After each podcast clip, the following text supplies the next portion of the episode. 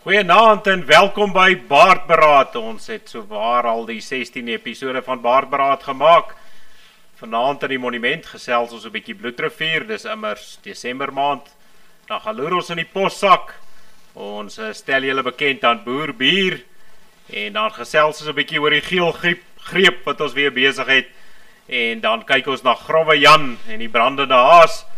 En dan kyk ons 'n bietjie hoe lyk iemand wat passievol is oor toutrek.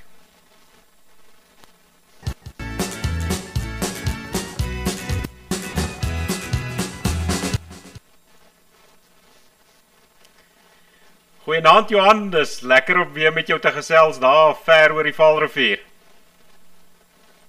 Ons is alwen, lekker om terug te wees. Ek het uh, jou amper verlang. Uh, ja nee, ek, uh, ek ek het jou nou amper geglo ook, so Johan, ja, voor ons nou te verskriklik begin, wil ek die mense nou maar net verskoning vra.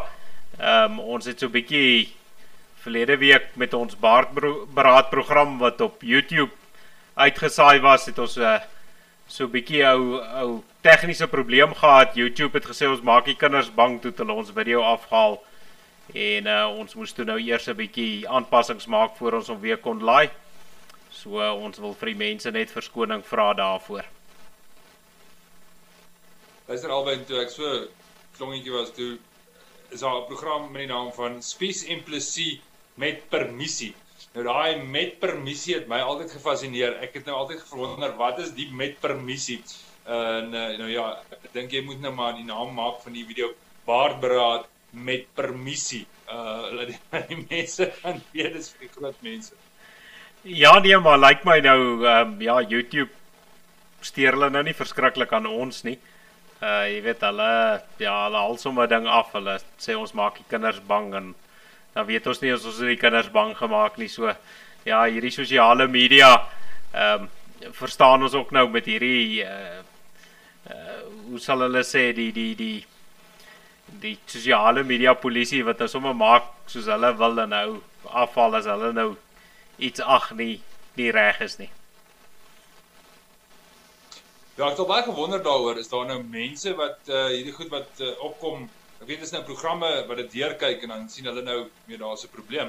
Maar is daar iemand agter daai rekenaarskerm wat sê weet hierdie is nie reg om uitgesaai te word nie en en en weet wie is daardie mense? Wie besluit hierdie algoritmes? En nou uh, hoe bepaal hulle watter video's nou nie gewys word nie en jy weet waar mis mense uit?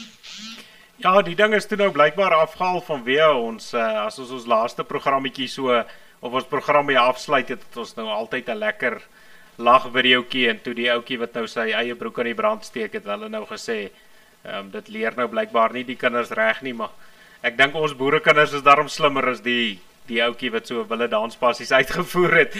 Maar ja ehm um, ek verstaan daai ouens werk met die klomp Amerikaners so hulle het seker maar hulle uitdagings.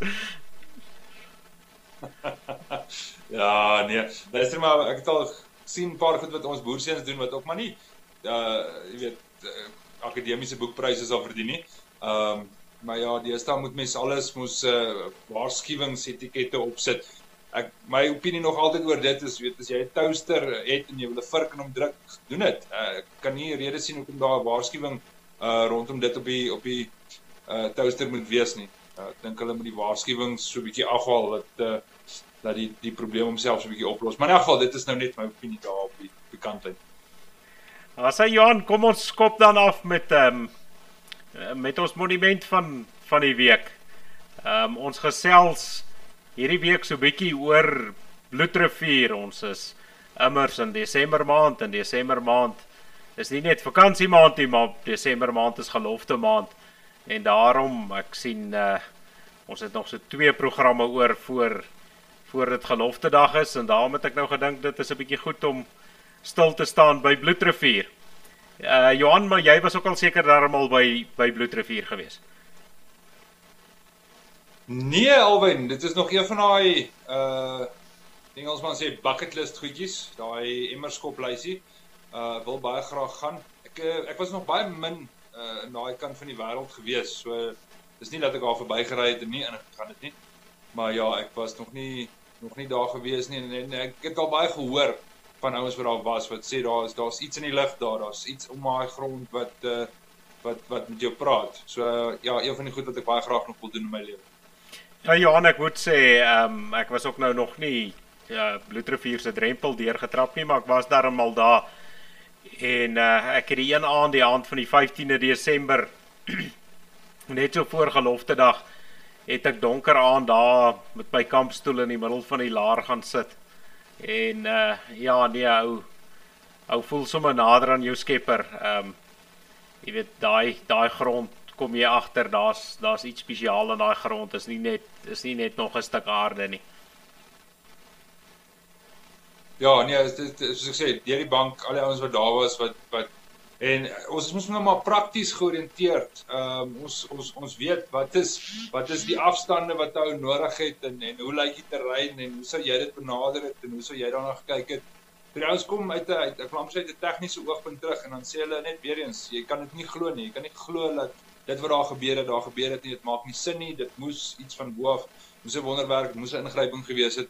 Ehm um, want want dit wat hulle daar sien en ervaar ehm um, teenoor dit wat daar gebeur het uh, uh, jy weet maak net nie maak net nie die som nie. Ja, nou vir die mense wat nou nie heeltemal weet nie, Bloedrivier natuurlik die laar is daar gebou met die klomp ehm um, waans wat wat in die laar staan. Ehm um, en dit is natuurlik te doen met die herdenking van die gelofte wat by Bloedrivier afgelê is na die slag van Bloedrivier wat uh, op 16 Desember 1838 gebeur het. So jy weet die mense kan gerus uh, gaan kyk en hierdie jaar ehm um, jy weet ja, ek wil nou nie sê hierdie jaar nie, elke jaar is spesiaal, ons moet elke jaar ons geloftes nakom. So ons wil sommer beroep doen op al die mense gaan wone geloftefees naby jou by as jy nie by Bloedrus 4 self kan uitkom nie. Ehm um, daar's geloftefees komitees reg oor die land en daar daar's regtig nie 'n rede om 'n om 'n geloftefees te mis nie. Uh, ons het geloftefeeste reg oor die land. Ehm um, en die mense kan kan gerus 'n draai gaan maak en en 'n bietjie net weer weer nader kom, nader kom aan ons hemelse Vader en net vir hom dankie sê. Ehm um, ek dink Bloedrivier was een van die beslissende uh gebeurtenisse in ons geskiedenis wat ons volk hier laat behoue bly het. En uh jy weet was dit nie vir Bloedrivier nie het ons die slag verloor het die Zulus 10 teen 1 reg oor die ander trekker laars geloop en dan was ons volk dalk nie hier nie. So uh, dit strek weier as net bloedrivier. Uh, dit is dis 'n simbool van van ons volk se behoud hier in Afrika. Ja ek, ek dink daar's 'n klomp mense wat sit met die teorie en, en ek is geneig om hulle saam te stem dat bloedrivier eintlik maar die die embrio was van die volk die die gelofte wat uh dit aantoon dat 'n huis gestig sal word en daai huis weet ons dan nou ook kan verwys na 'n volk toe. En baie mense voel dat Bloedrivier was was eintlik die die begin van van die boervolk in 'n in 'n sekere sin gewees. Dit was 'n bevestiging van hierdie verhouding, hierdie verbond uh tussen die Vader en ons en en uit daardie geskiedenis het het, het ek wil amper sê daar selfvertroue weer teruggekom in die volk en was hierdie wonderwerk wat ek wil amper sien die kern van volkskap staan, ehm um, die geboorteplek. En nou ja, daar's baie mense wat sal argumenteer dat die die hele Afrikaner idee uit die Kaap uitkom en so meer. Ehm um, maar daar's daar's 'n goeie punt om te maak dat dat Betrofier 'n uh, beduidende rol oor die begin van ons volk en ons kultuur gespeel het. Maar wat baie interessant was en, en ek sal graag wil as ek nou daar gaan uh, dit wil sien die laar as ek reg verstaan was op 'n ander plek gewees en dink dit was al so gee wat gesê dit moet geskei word. Ehm um, totdat dit reg is en, en dan as ek reg is 7 dae voor die tyd was die gelofte afgelê. Uh soos al hierdie interessante goedjies rondom die gelofte wat dit net nog meer spesiaal maak. Ehm um, uh, ek weet as jy nou daar staan dan dink ek kan jy nou nou presies sien hoe was die die ek wil amper sê die die oploop gewees. Maar 'n vraag wat elke jaar die tyd vorentoe tree is was daar vrouens in die laar? Ehm um, miskien kan jy kan jy 'n bietjie duidelikheid gee oor dit.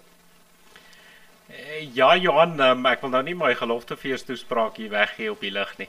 Ehm um, nee, ek dink dit is uh dit is nou iets ja, een van die interessante gebeurtenisse en ek het al gryskop oomies gehad wat my gestry het en gesê het nee, maar hy het op skool geleer daar was vrouens en kinders in die laar en ehm um, dan dan gaan die ouens nogal redelik met oortuiging wat hulle wat hulle ou probeer vasvat maar die die waarheid is maar dat daar nie vroue en kinders was nie. Dit was 'n strafkomando gewees natuurlik uh, nadat Bloukrans en Weden uh, die die groot een van die groot volksmoorde in ons geskiedenis plaasgevind het in een aand. Ehm um, en toe die boere besluit hulle gaan die Zulu straf en hierdie was 'n strafkomando dit was uh manne wat uitgestuur was om die Zulus te gaan straf en hulle het opgetrek Dingans kraal toe en toe dan nou ehm uh, soos jy gesê het die die gelofte is die eerste keer by Wasbank afgelê so 'n week voor die tyd. En dan's die gelofte elke dag herhaal totdat die slag nou plaasgevind het daar by Bloedrivier maar dit was dit was net 'n klomp mans ehm um, weerbare manne uh, wat bereid was om te veg en wat gaan veg het. So daar was geen vroue en kinders by Bloedrivier nie laer nie Maar ja, ek is ek is baie opgewonde oor hierdie jaar. Ek ek elke jaar, ek wil amper sê die laaste 5 jaar, 6 jaar, 7 jaar dalk selfs is daar 'n bietjie meer energie agter die geloftes. Daar's bietjie meer kennis van die geloftes. Ehm um, en dan natuurlik die Paardekraal gelofte wat later bygekom het wat ek dink as reg is die 13de Desember. Ehm um, en en daar's daar's hierdie oplewing rondom die besef dat jy as volk moet jou gelofte betaal en ek dink dit maak my opgewonde. Ek sien al meer mense wat wat begin gesels oor die idee van die gelofte en en dit is nie meer iets wat 'n groepie daarin kan doen nie. Dit word deel van die van die hoofstroom gesprek in ons volk. Ehm um, en in die groter organisasies en die kerke en die politieke leiers en, en almal begin bewus word van die gelofte. En ek dink dit is die wonderlike ding van dit alles. Ek dink regtig hierdie jaar gaan uh, ongeag die Grendelstaat en wat aangaan, gaan die geloftefees bywoning die beste wees in dekades. Uh so baie opgewonde daaroor. Ja Johan, ek wil net terugkom na iets wat jy net nou gesê het. Jy het gepraat dat dat die gelofte half die die kom ons noem dit nou maar die volksstigting was. En ek wil vir jou sê, um, ek was daarom in die bevoordeelde posisie om om nou vir die laaste klompe jare is ek elke jaar omtrent op 'n ander plek ehm um, vir 'n geloftefees. So ek het nou al uh by baie plekke in die land vol gereis. Ek was nou nog net nie daar in die Kaap gewees op 'n geloftedag nie. Maar een ding wat my opval van gelofte daar is as jy maak nie saak waar ek was nie. Jy voel dadelik jy's tussen jou eie mense. Al kom jy daar aan as 'n vreemdeling en jy ken nie mense nie, die ouens het jou nou genooi soontoe. Uh, as jy daar aankom, is jy dadelik tussen jou eie mense, jy's dadelik tuis. Jy voel jy voel net uh, jy, jy voel jy's jy's tuis. En ehm um, ek het dit nog by by geen geloftefees anders ondervind nie weet en dit is dis tog een ding wat vir my spesiaal is van van al die geloftefeeste wat ek nog so ver by gewoon het. Ja, jy sien enige volk saamtrek waar ons mense bymekaar kom, ken jy die helfte van die mense klaar outomaties, want die helfte van die mense is oom en tannie. Ehm um, so dit help, jy kan jy kan nie verkeerd gaan. ja, nee, ek is ek is hierdie jaar bevoorreg om uh Appington toe te gaan. Ek hoop hulle bære daarom die son vir so 'n paar dae. Ewa ek vandaan kom is ek nie so baie warm sonne uh, gewoond nie. Ehm um, so so maar kyk of ek die, of ek die Noord-Kaap oorleef. Ja, wat start jou broer? Vat 'n hoed saam. As hy ja nee, ek dink dit is 'n dis 'n geloftefees wat ek hierdie jaar waar die mense my seker sal verskoon as ek sonder 'n baadjie ehm um, die geloftefees bywoon. Ja, hy speel Appingtoners het almal 'n uh, eh, ligreëling, so dalk is hy gelukkig. Uh,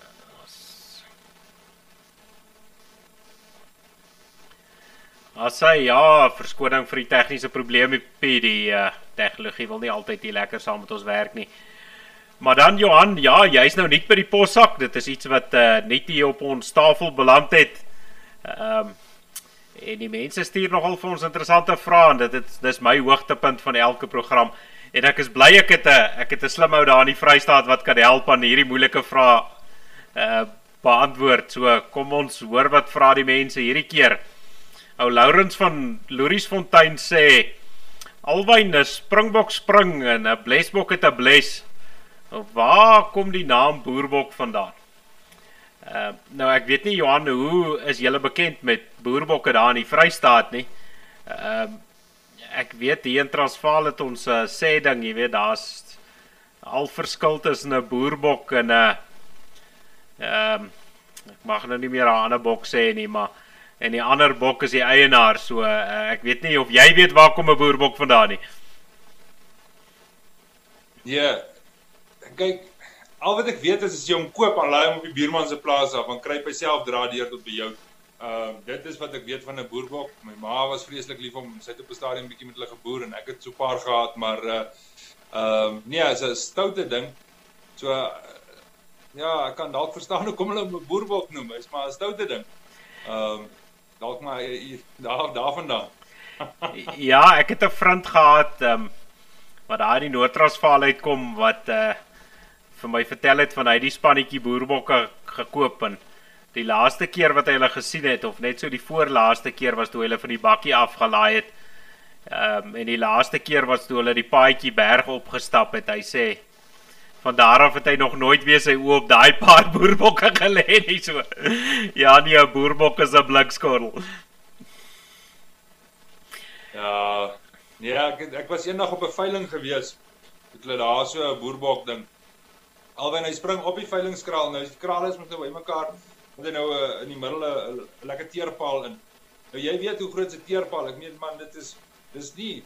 Dan staan hy met al vier sy pootjies so bo op daai paal.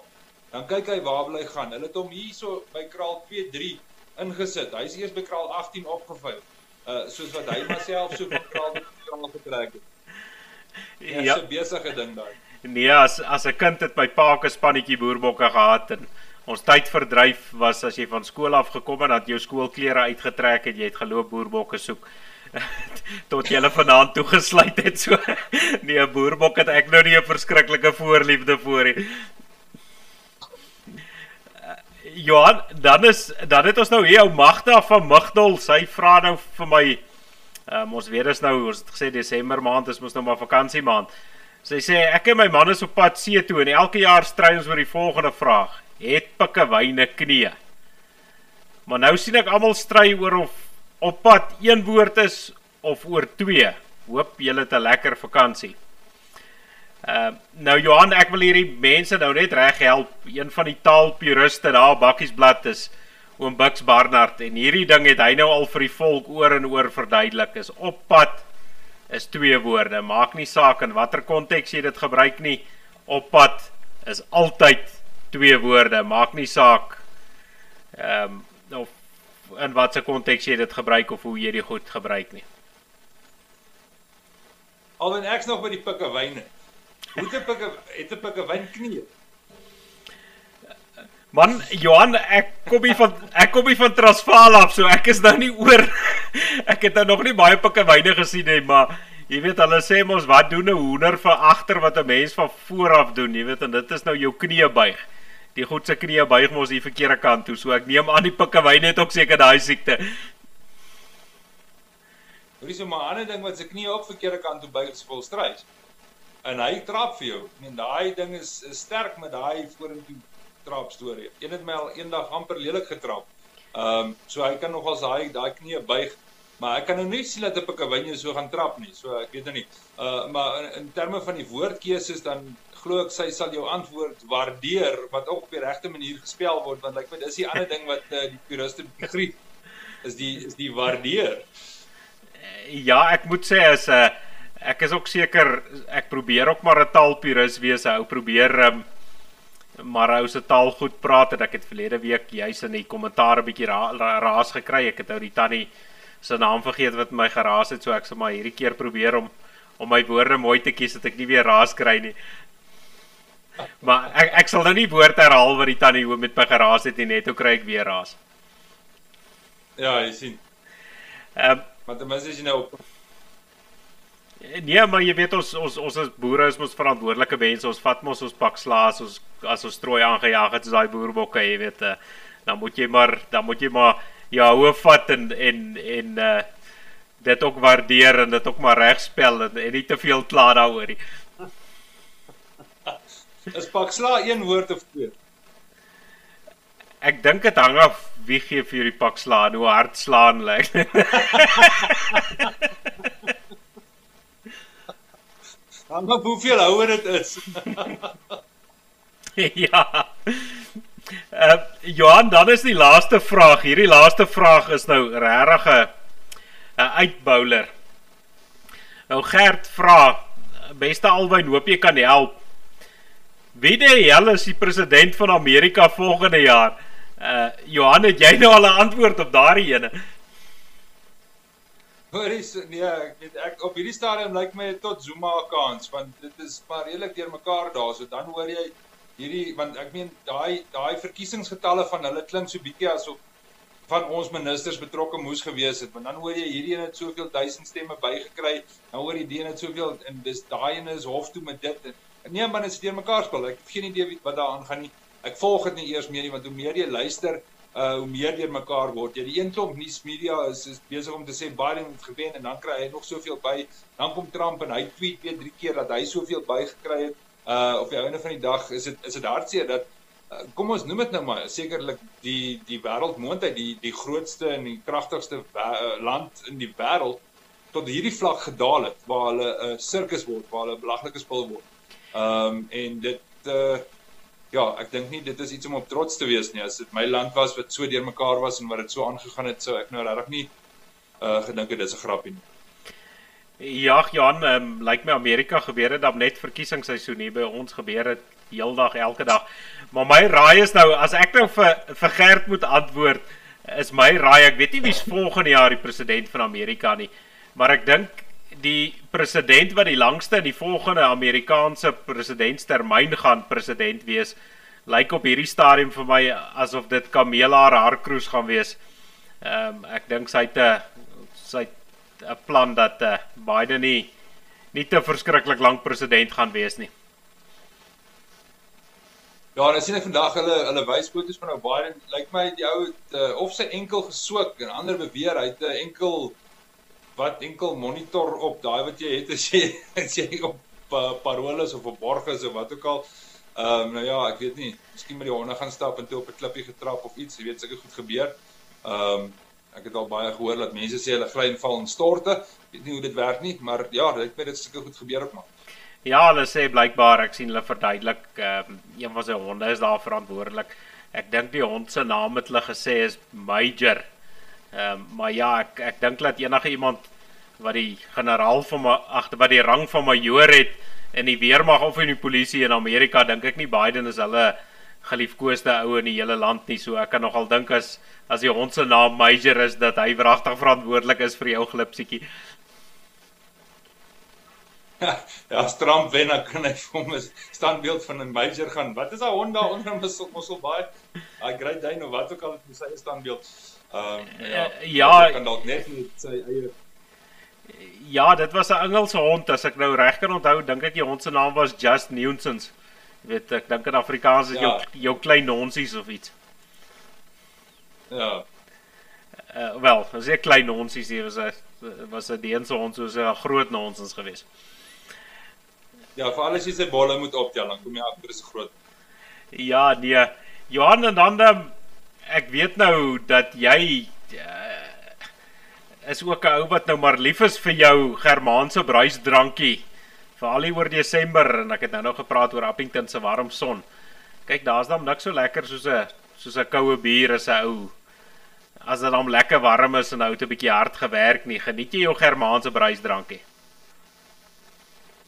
Alwen nee, ek moet jou nou daarso nou sleg in die rede val, maar ek is glad nie 'n bierdrinker nie. Kyk, ek is as ek nou 'n bier drink, dan is ek oor 20 minute is ek lyk like ek soos 'n 'n 'n hierdie liberaliste as hulle 'n verkeerde woord hoor. Hulle hulle blaas mos so op. Ehm um, so as ek 'n bier ek en ek en bier kom nie oor die oor die wal nie. Ek geniet dit so af en toe nou die dag in Oranje daar so by uh by die zebra het ons 'n uh, uh, Jan van Riebeeck gedrink. So ek sal dit doen so vir die vir die vir die grap en vir die saamspeel. Ehm um, maar eintlik nie 'n groot bierman nie, maar hierdie lyk interessant. Wat is dit? Ja, Johan, ek moet ook nou sê my eie ondervinding hier van die weermag daar af. En ek kan vir jou sê dit was die 30ste Desember 1992 het ek die laaste keer groot bier gedrink. En van toe af um, het ek 'n bietjie weer sin in in bier. Ek uh, drink so een bier, maar uh, op 'n uh, op 'n goeie dag maak ek miskien twee biere, maar van toe af kry ek nou glad nie meer 'n bier verskriklik gedrink nie. Maar as dit so warm is en nou klim van die trekker af, dan dan is 'n koue bier is vir my baie lekker. Maar ja, hierdie ouens wat Maar jy moes hom seker sleg geskrik het as jy die datum kan onthou. Ja nee Johan, ek sal vir jou die storie oor 'n beer in Orania vertel.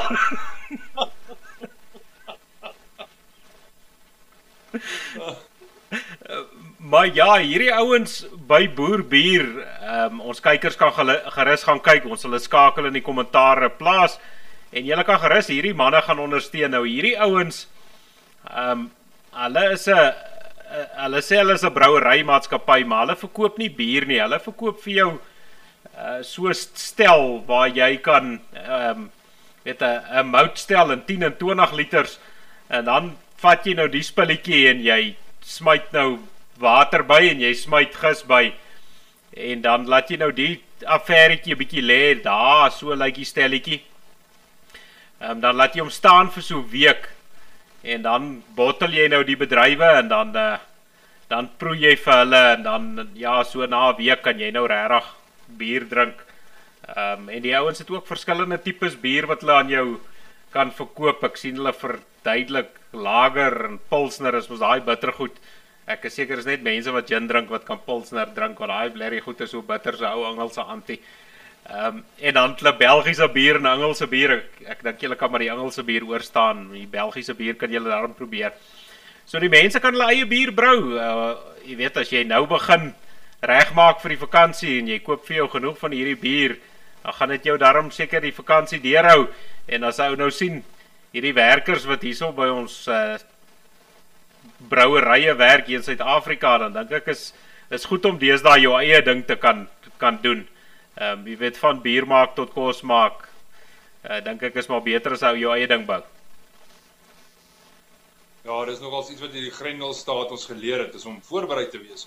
Ehm um, en dit lyk nogals interessant man. Ek dink die ouens kan lekker speel met dit. Uh, jy kry mos sulke tendense en dan was dit koffie en dan het die ouens hulle eie dit gemaak, hulle eie dat gemaak, maar hierdie lyk na 'n oulike stel. Ek dink is moet werd om te probeer.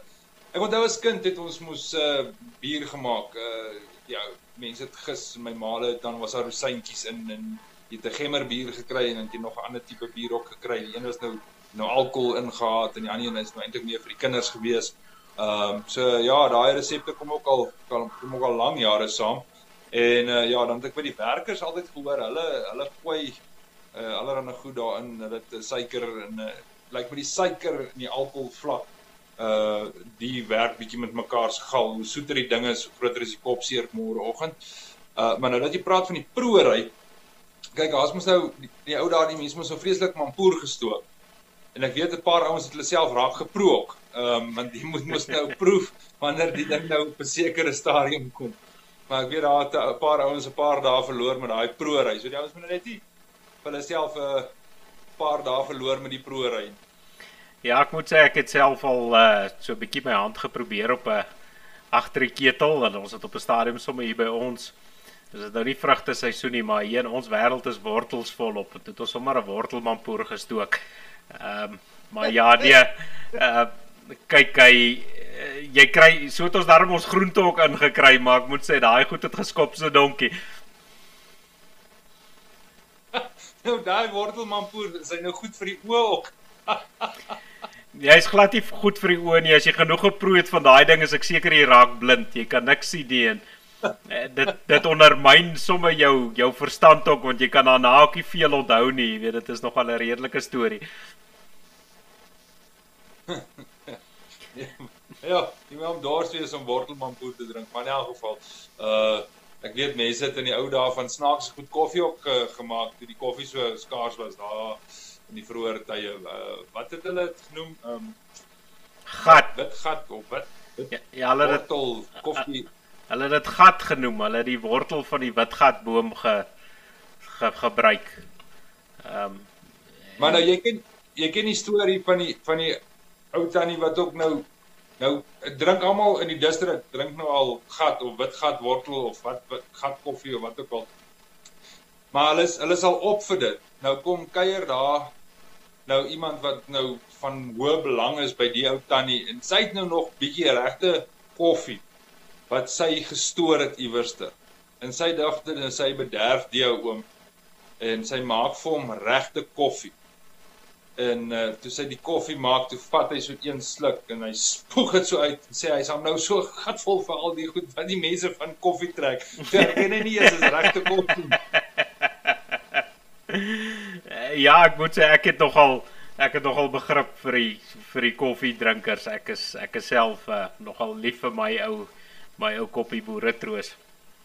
Maar ja, dan voor ons dan nou aan Ja, nee, maar voor ons nou dan nou aanbeweeg, gaan ons nou vir die mense net weer vra. Gaan kyk gerus op die skakels hier onder en ondersteun hierdie ouens van Boerbier.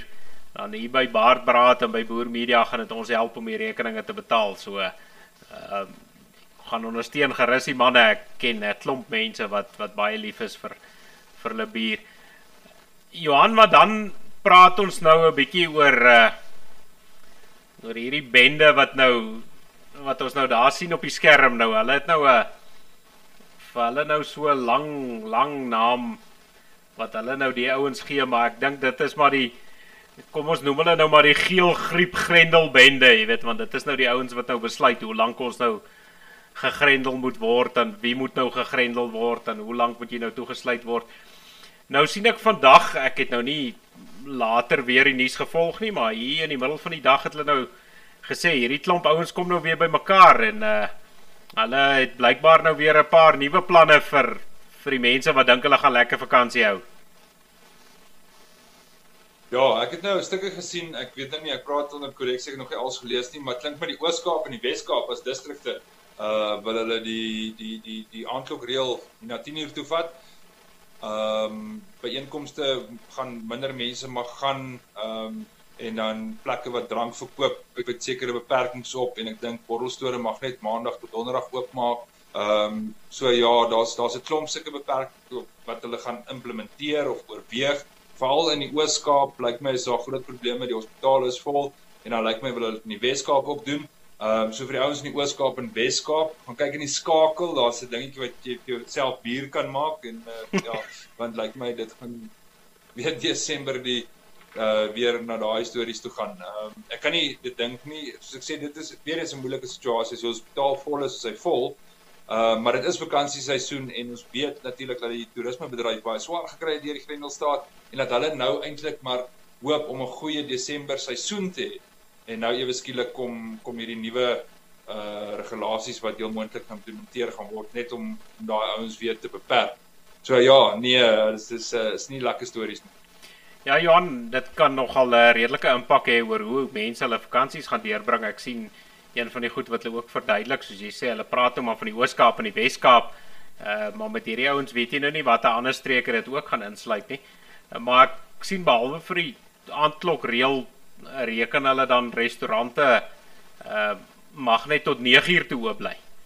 Ehm um, ek weet nou nie, jy weet hierdie hierdie party van hierdie goed maak net nie vir my sin nie. Ehm um, ek weet nou nie of die virus nou sien as jy nou verby 10 uur gaan en dan bespring hy jou nie. Ehm um, jy weet dit is van daai goed maak vir my maak vir my net nie glad glad nie sin nie. En dan sien ons nou jy het nou gepraat oor die beperkings oor oor byeenkomste en ons het dan nou gepraat oor gelofte dag.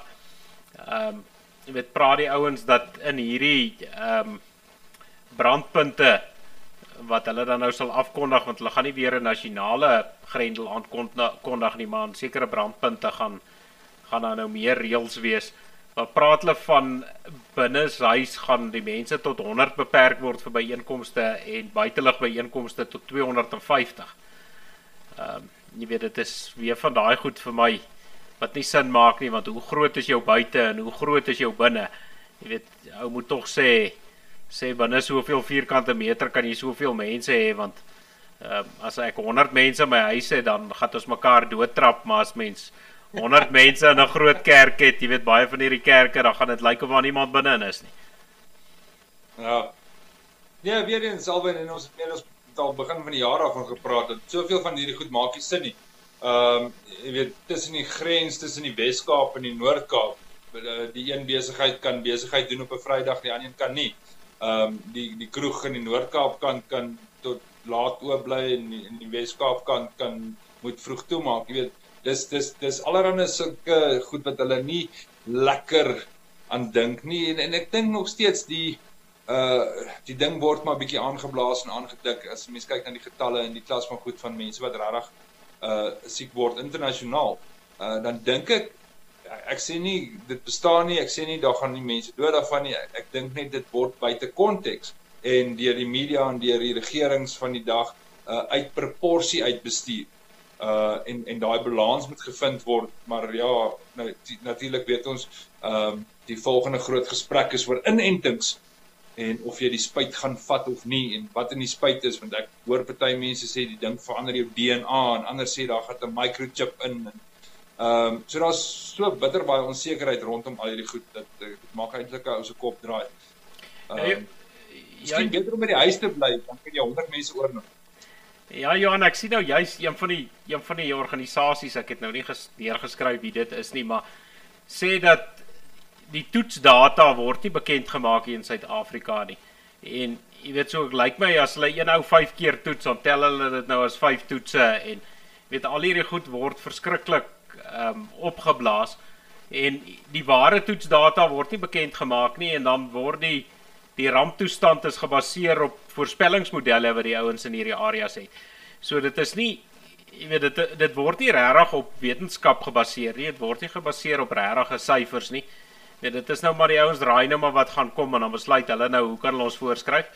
Ehm um, en ja, ek het er nogal die gevoel as jy hierdie ouens nou vir so lank toegelaat het om vir jou te vertel hoe jy mag en hoe jy nie mag maak nie dat uh, ek nie dink hulle is te oorgretig om hierdie goed jy weet ooit weg te vat nie. Ek dink hierdie ouens gaan hier op ander maniere ook op ander jy weet met ander goed ook voorskryf.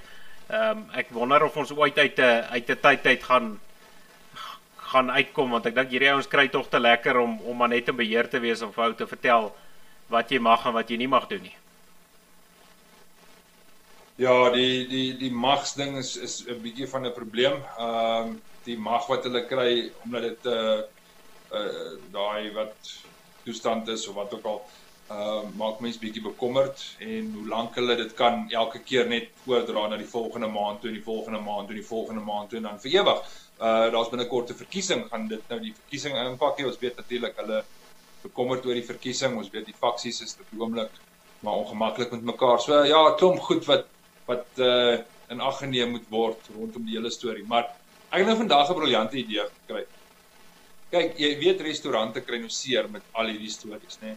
Nou ek moet nou my bestuurslisensie hernie en my vuurwapenslisensie hernie. En dit is alle lange prosesse alwen jy wil later wil jy jou voertuig weggee en jy wil jou gebeure bemaak aan iemand want om daai pak papiere in te vul is is nie jou maat nie. En jy betaal iemand om om vir jou die boek te skryf. Hoekom maak hulle nie so nie? Hoekom laat hulle nie restaurante bestuurslisensies en wapenlisensies uh, fasiliteer? Nee, dink nou net daaroor. Jy gaan in by die restaurant en dan kry jy jou spyskaart en jou vorms. En terwyl jy wag vir jou voorgereg, dan vul jy die vorms in. En teen die tyd dat jy die hoofgereg kry, dan neem hulle 'n foto want kyk dan jy nou lekker eet op. En uh, dan na die tyd saam met die saam met die voetjie betaal jy sommer al die goede en dan's al jou goed in.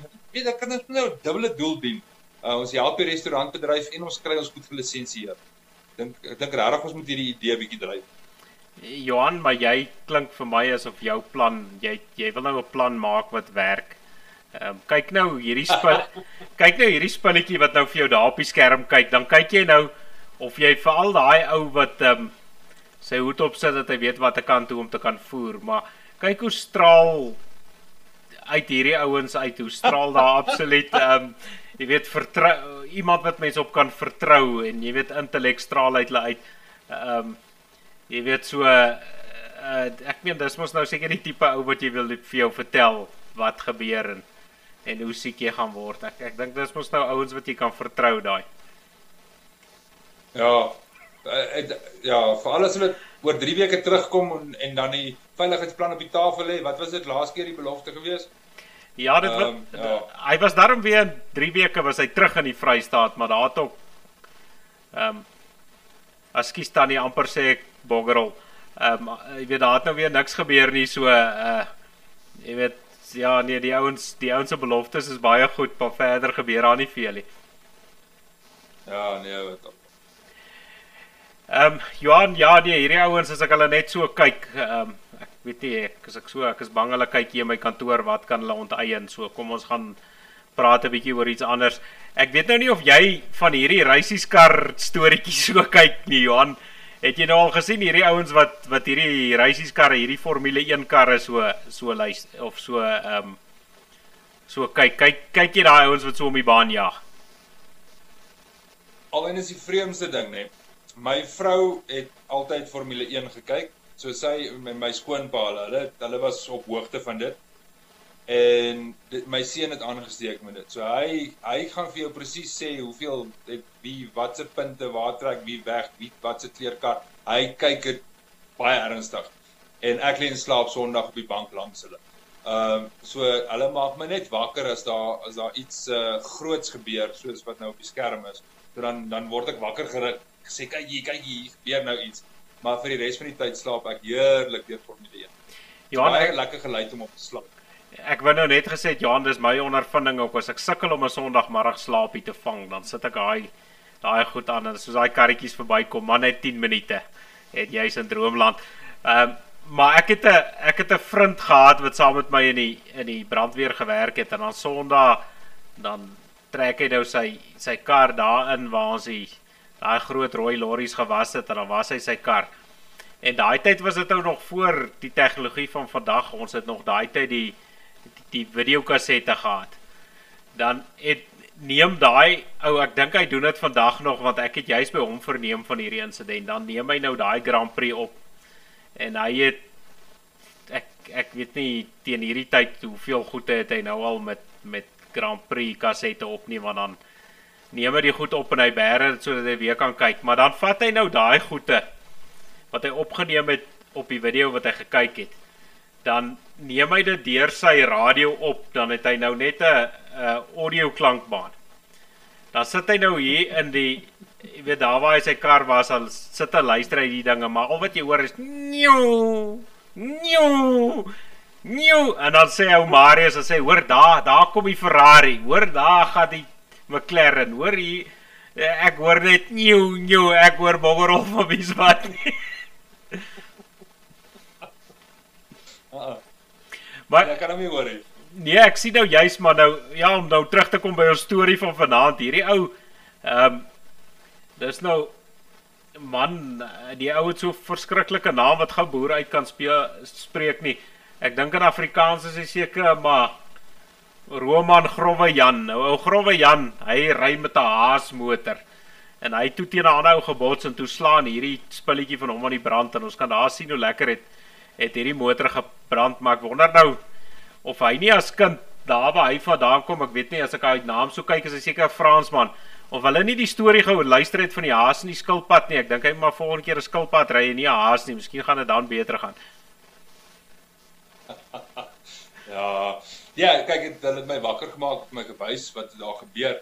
Ehm um, ek moet sê, kyk, daar is se tegnologie en se veiligheid op daai karre is ongelooflik. Ehm um, dat daai kar so uitmekaar uit kon breek, hy letterlik in twee stukke met daai vlamme en daai ou kan kan daar uitspring en wegstap. Ehm um, jy dis net dis kan genade uh, dis dis ongelooflik. Dis uh, ek het gedink daai ou gaan dit nie maak nie maar hulle hulle hulle hulle veiligheid en hoe hulle die die karre bou en al alles wat daar mee saamgaan lyk my is nogal indrukwekkend.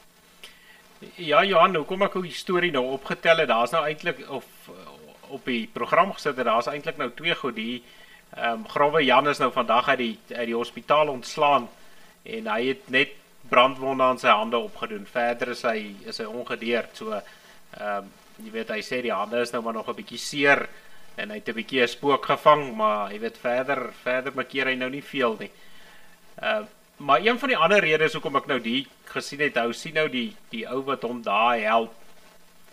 Ehm um, wat eers op die toneel was en hierdie ou ehm um, is is ook 'n van 'n merwe. Ek het geweet jy gaan nou uh vanaand my my uh my gas wees. So dis nou Ellen van der Merwe wat die mediese kar gery het wat eers daar was wat vir wat vir Growe Jan daai uit sy kar uitgepluk het. So daar was daarom 'n Suid-Afrikaner wat wat eintlik nou maar die held was van van hierdie dag lyk like dit my. Ja, nou jy onthou uh Charles van 'n Merwe van ouds. Ek wonder of hy familie van hom is. Ehm um, want ou Charles kon net so lekker vasdrap op 'n renbaan. Ehm um, nee, hy van 'n Merwe is haastig, maar nou die mense is stout alwen. Ek kry vandag so 'n fotootjie van uh, die storie hoekom hoekom hy so vinnig daar was. Uh ja. daai foto Johan. nee, ja, daai foto. Wat wat iets van hy die braaivleisvuur gesien of iets in die lyn. Dis hoekom hy so vinnig af was op iets. Ja, die hulle hulle sê daar's niemand wat so vinnig 'n stuk vleis uit 'n vuur uit kan pluk soos 'n soos 'n Suid-Afrikaner met 'n stuk braaivleis wat in die kole val nie, weet jy. Dis nou dis nou hoekom hy hom so vinnig daar uit het. Hoor jy sommer daar sê een ding vinniger as wat hy daaraan gekom het en dit is ons volkie se manier om 'n grap te maak van 'n ding. Ehm um, jy weet dit kom jy op een of ander ramp af en dan die volgende oomblik dan kry jy iemand met 'n met 'n grappietjie of 'n stukkie humor rondom die storie. Uh, dit gebeur maar net so vinnig. Nou sê ja, nee, maar dit is dit is hoekom wat ek geniet. Ons moet altyd ou grappie kan maak uh, met hierdie lewe en daai ander bende wat ons nou nou gekyk het dat ons die mense net gou-gou weer suur maak. Jy weet as jy mense na daai bende kyk, ehm um, dan as jy nie gaan lag nie, dan gaan jy dan wraggies ehm um, jouself iets aandoen. Ek lees nou juis of ek luister hierdie week ehm um, terwyl ons so nou 'n bietjie terug aan geelgriep toe dat in Japan is daar meer mense dood in Oktober maand wat selfmoord gepleeg het as wat hulle in 'n hele jaar tot dusver aan geelgriep verloor het. So dit wys maar wat se wat se impak het dit ook op ja. op op die bevolking en hier by ons sien nou nou nie daai statistieke nie, maar ek dink is maar wêreldwyd 'n probleem en ons maar vir die mense sê ja, maak eerder 'n grappie, lag eers, lag eerder gaan gesels met iemand, maar moenie iets onbesonde aanvang nie.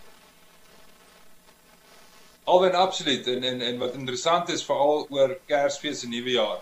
Ehm um, sê hulle is uh, is die mense meer geneig om selfmoord te pleeg. Ehm um, daai feesgety, die depressie rondom dit, daai emosies uh lyk like my dit is nogal 'n 'n moeilike tyd vir die ouens en dan hulle geneig om om daai roete te volg. So asseblief mense, kry kry hulp, gesels met iemand, gaan drink koffie by iemand. Uh maar ja, moenie daai roete gaan nie. Ja, nee, ek het nooddienste ook vir 'n klompie jaar gewerk en ehm um, ja, hierdie tyd was nou maar altyd uh, 'n slegte tyd wat dit dan betref. Soos wil vir die mense vra, ja, gaan gesels met iemand. Die lewe druk nooit so hard nie. Ehm um, Want daar's altyd hulp te kry. Kry eerder hulp en gesels met iemand en staan nie hulp direk om jou is nie. Is daar ander mense wat jy kan skakel so laat ons nie ons volkie is min genoeg. Ons kan nie ons volk nog verloor aan sulke onbesonde dinge nie. Maar Johan voor ons osself nou in 'n depressie inpraat. Ehm um, is jy 'n groot sportman? Ek ek weet nou deesdae kyk ons nou nie meer noodwendig rugby en cricket nie, maar is daar 'n sport wat jy 'n passie vir het? Alwen ek is van skool daar af maar in die in die skuifskiet in. Ehm um, maar kyk, die is nou 'n sport vir 'n ryk man. Jy kan deesdae dit nie meer bekostig nie. Maar ja, dit was maar waar my waar ek my my skool Mara deurgebring het was op die skietbaan. Johan, hier's nou oomie. Ek kyk ek het nou al as mens nou 'n uh, vir alles kinders nou besig is, mens kyk 'n bietjie na 'n uh, jy weet langs die rugbyveld dan kyk jy partykeer van die paas en die maas en ons het hier by ons by een van die laerskole my seun was nou nie 'n kranige sportman nie maar my broer se seun het nogal goed rugby gespeel. Ehm um, en dan onthou ek hierso was 'n was 'n ou tannie, sy was een van die kinders se oumas, maar as mens daar langs die veld gestaan het, het mens meer vir kan nou nie die tannie se naam onthou nie, maar mens meer vir die tannie gekyk as vir die kinders wat rugby gespeel het. Ehm um, jy kry mos daai mense wat 'n passie het en en mooi verduidelik en beter kan verduidelik as wat die as wat die afrigter gaan maar nou wil ek vir jou net hierdie volgende stukkie wys hè oomie wat daarom kyk 'n passie het vir vir vir tou trek en dit is nou juist weer vakansietyd en ek is seker as ons mense gaan waar hulle bymekaar gaan kom miskien by 'n geloftefees wat langer aanhou is net gelofte dag en die ouens gewoonlik lekker boere sport en dan gaan hierdie ouens tou trek So ek wil vir die manne vra wat nou nie nie saam tou trek nie. Ondersteun hom ten minste soos hierdie oom. Nou is my oomie, kom ons sit vir hom aan. Nou speel as jy alle grappies op 'n song.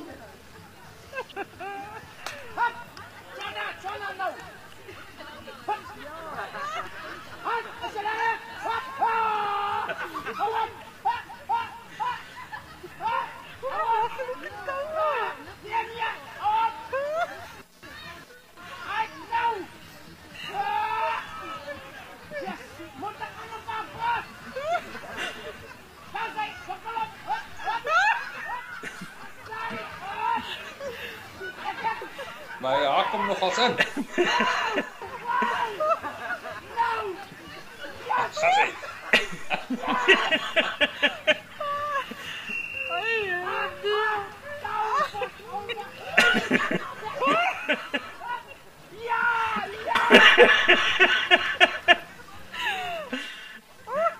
En die kyk die oomie vraggies. Hy hy het 'n passie vertrou trek hoor. Dit is dit was nou vir my verskriklik goed toe ek dit gesien het. Um, ja, as mens sport ondersteun is dit hoe jy dit moet doen en, en nie net sport nie, enige ding in die lewe pak dit met met daardie passie aan en dit kan nie anders as 'n sukses wees nie.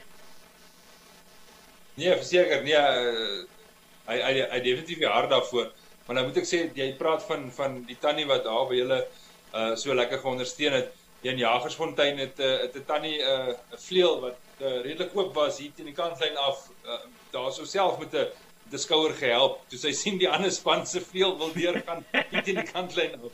Um, dit was ook nog ons 'n uh, 'n nuuswaardige gebeurtenis daai jare gewees, maar in elk geval ja. Ja, ek onthou uh, nog passie Ek onthou nog die tannie by een van die wedstryde het haar kleinseun net loskakel gespeel en sy sê hy moet die bal uitgee dan verduidelik sy nou vir hom wanneer hy die bal moet uitgee.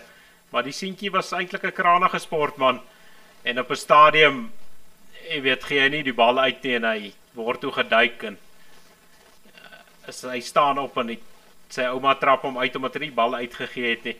En hy sê ouma ek wou breek. Sy sê ek breek jou blerrie arms, gee uit die bal. Dit was nou nogal redelik redelik snaaks geweest vir almal wat daar rondom gestaan het.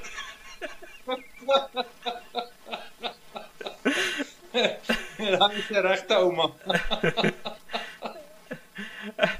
As hy Johan op daardie lekker lagende noot, ehm um, laat ons daarom altyd lekker lag en afsluit.